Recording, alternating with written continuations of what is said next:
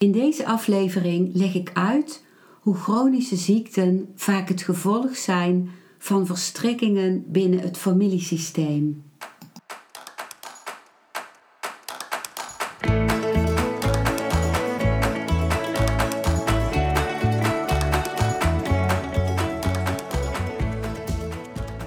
Welkom bij een nieuwe aflevering van Modita's podcast Van Pijn naar Zijn. De podcast waarin ik je meeneem voorbij de pijn in je leven naar wie je diep van binnen bent. Hoe kun je beter omgaan met je gevoelens? Hoe vind je rust in je hoofd? Wat zit er precies achter je pijn? En vooral, hoe kun je steeds meer jezelf zijn? Adem eens diep in en uit. Ik wens je veel luisterplezier.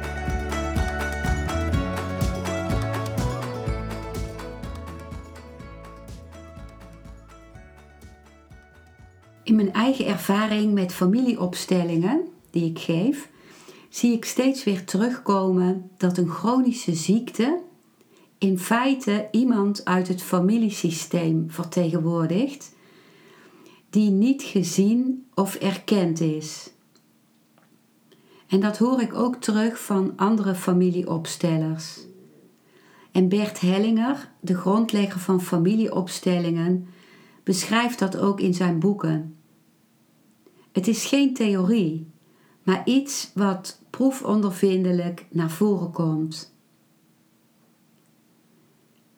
Ik lees nu een stukje voor uit het boek What is Out of Order Here dus die titel betekent Wat is hier niet in orde? Een boek over uh, ziektes en familieopstellingen door Ilse Koetschers en Christine Broeder. En die tekst gaat als volgt. Het fysieke lichaam verschaft ons de meest directe uitdrukking van de behoeften van de ziel. En wanneer de behoeften van de ziel worden genegeerd, begint het lichaam te schreeuwen. Symptomen verschijnen en lijken uit het niets op te doemen. Voor mij zijn ziekte en symptomen tekenen van een wanorde in het leven.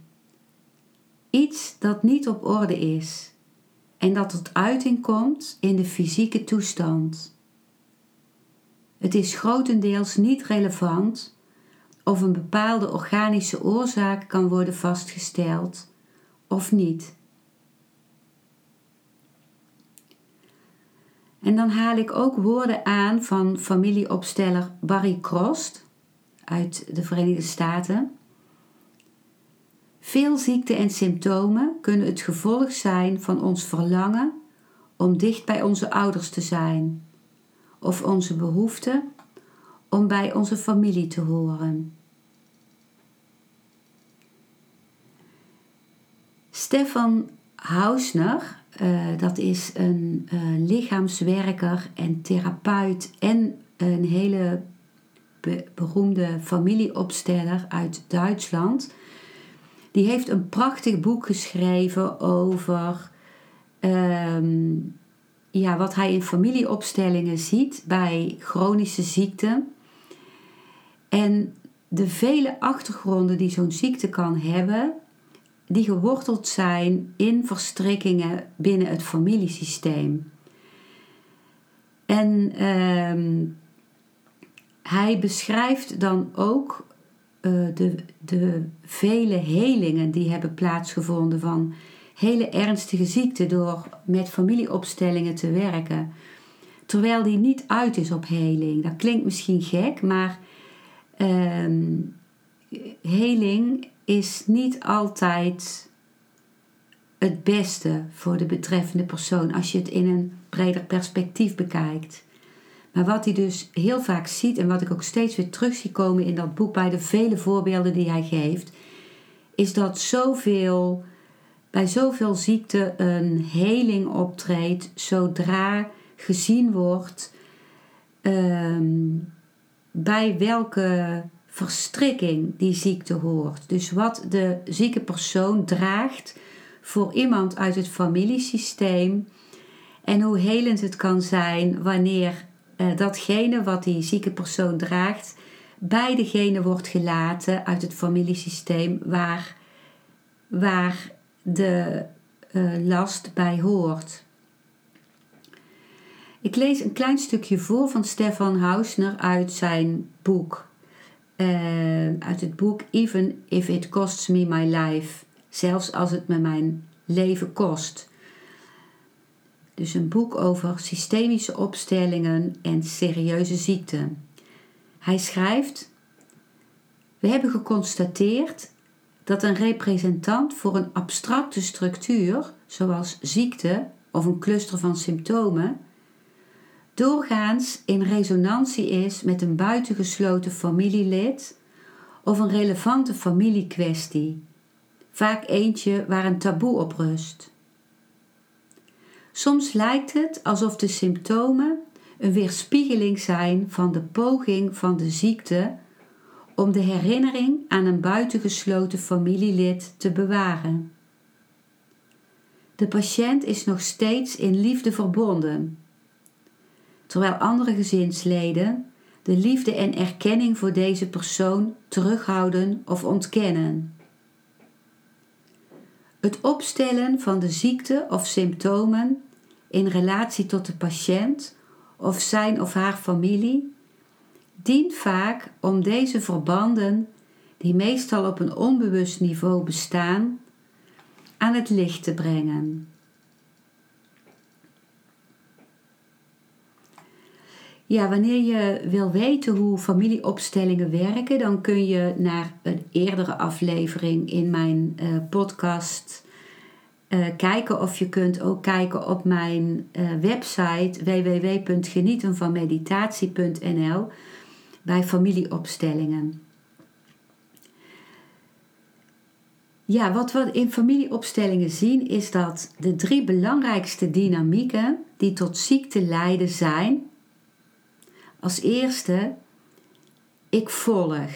Dus iemand volgt een ander familielid in lijden of in de dood of in dood willen of in ehm, een gebrek of een handicap die die persoon heeft gehad. Dus uit liefde uh, volgt de persoon dat familielid daarin en is dan met dat familielid verbonden en ziet daarin ook dat familielid. Een tweede dynamiek is dat degene die de ziekte heeft tegen een geliefd of niet erkend of niet gezien familielid zegt: Beter ik dan jij.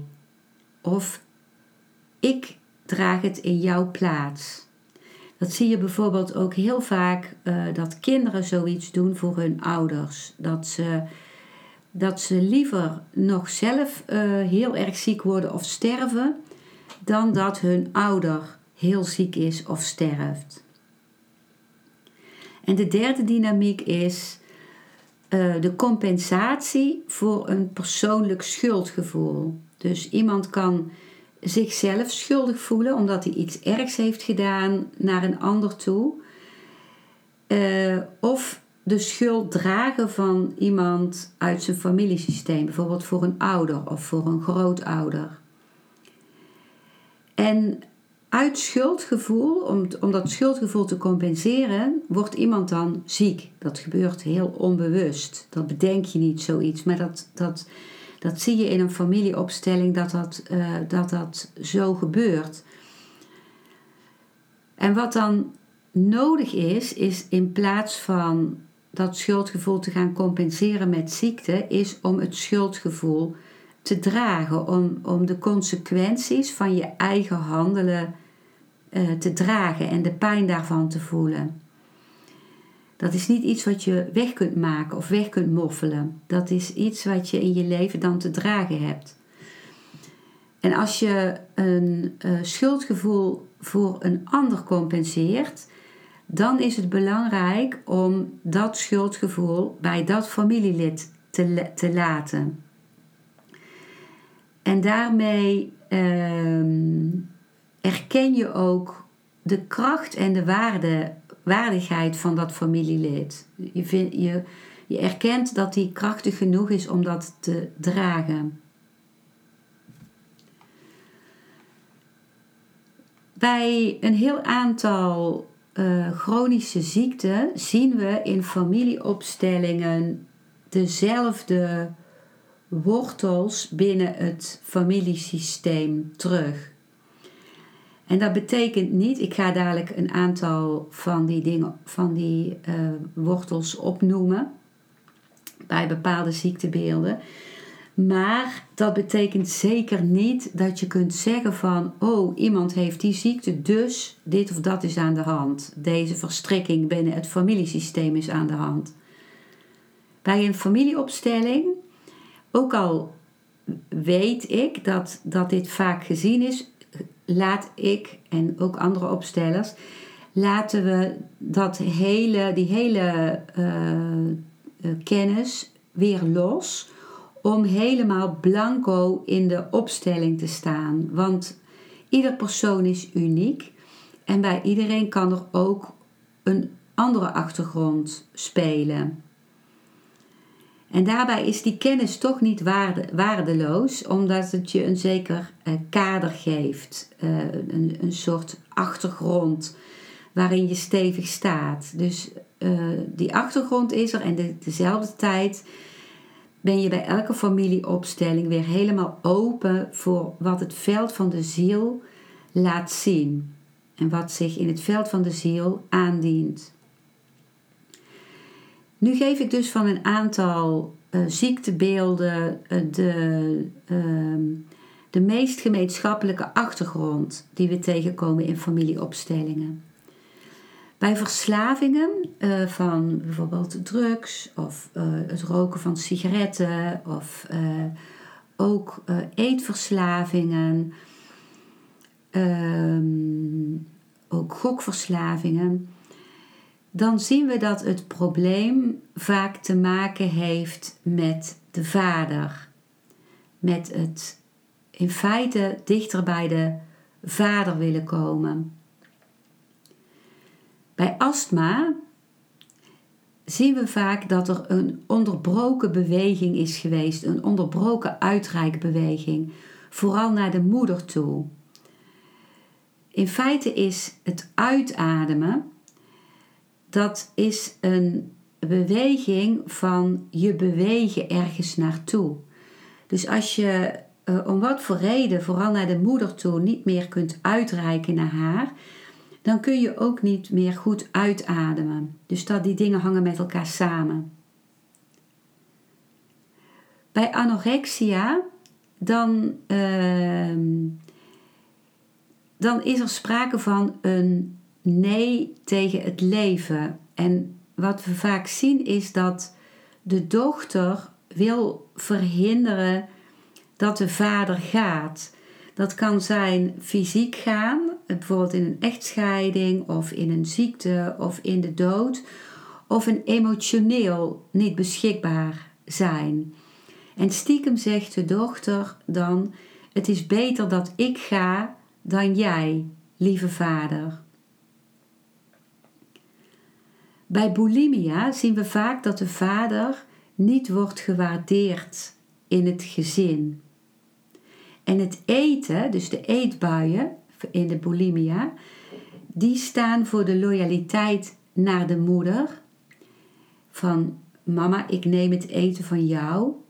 En het braken, dat is de loyaliteit naar de vader. Van nee papa, ik neem het niet van mijn moeder. Ik ben trouw aan jou. Wat we bij rugpijn vaak zien, is dat iemand niet genoeg kan buigen voor een van de ouders. Dus in feite neem je als kind het leven van de ouders, precies zoals de ouders zijn. En in die zin buig je ook naar de ouders uit, uit, als, als je in een gezonde verhouding staat, uit dank voor het leven dat je hebt ontvangen en vaak nog veel meer dan het leven, ook nog de zorg uh, van hen. En ehm, wanneer je dat niet kunt uh, of doet op een of andere reden, dan vertaalt zich dat vaak in rugpijn. Bij kanker zien we vaak een weigering om te nemen, vooral van de moeder. Het niet, het niet uh, kunnen of willen nemen van de moeder. Bij depressie zien we dat iemand leeg is en niet gevoed, omdat uh, een belangrijk persoon, en meestal is dat een van de ouders, niet wordt ontvangen. Dus als je de ouders niet kunt ontvangen, dat kan ook zijn wanneer je uh, emotioneel of fysiek voor de ouders gaat zorgen. Ehm, en daarmee niet meer ontvangt als kind, dan blijf je dus leeg achter. Dat is de leegte van de depressie. Bij een dermatitis, uh, vooral bij neurodermatitis, dat is een huidaandoening, een hele pijnlijke huidaandoening. Dus bij huidaandoening, bij huidaandoeningen, dan, uh, bij, dus bij neurodermatitis, dan is het kind vaak geïdentificeerd met een vorige partner van een van de ouders. Dus vaak is de relatie van die ouder met zo'n vorige partner niet goed afgesloten. En is de partner uh, bijvoorbeeld nog heel boos daarom op, op de ouder. En dat vertaalt zich dan in neurodermatitis van het kind. Tenminste, meestal zien we dat als achtergrond bij neurodermatitis. Zelfmoordneigingen, dat is vaak een, zijn vaak een liefdesdaad. Uh, waarbij degene die zelfmoord wil plegen iemand anders wil volgen in de dood of in iemand anders plaats wil sterven. Of ruimte wil maken voor iemand anders. En het kan ook zijn dat iemand een soort boetedoening wil doen als een compensatie voor een, een het eigen schuldgevoel, voor iets wat hij zelf, waar hij zich schuldig over voelt, of voor het schuld, een compensatie voor het schuldgevoel van iemand anders uit het familiesysteem. En dan zien we dat de veiligste plek voor het kind vaak de plek is naast de vader. Er is ook lijden of ziekte die niet voortkomt uit verstrikkingen binnen het familiesysteem. En dat, die ziekte of dat lijden heeft vaak te maken met een vroegtijdige onderbreking van de uitreikbeweging naar de ouders, meestal naar de moeder. En mogelijke gebeurtenissen die dat kunnen veroorzaken zijn een moeilijke geboorte, een ziekenhuisopname in de kindertijd, vroegtijdige scheiding van de moeder, bijvoorbeeld een couveuse of dat de moeder ziek werd en opgenomen moest worden of ehm, dat de ouders gingen scheiden en het kind uh, bijvoorbeeld bij, uh, bij een ander achterbleef. En ook uh, ongelukken die zo ernstig waren dat er een bijna, dood, er, bijna doodervaring is opgetreden.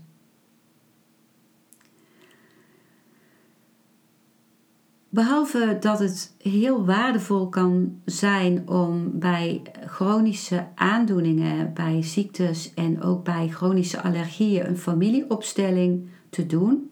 Natuurlijk als je daar open voor staat, dat is de eerste vereiste, is het ook belangrijk om een arts te raadplegen.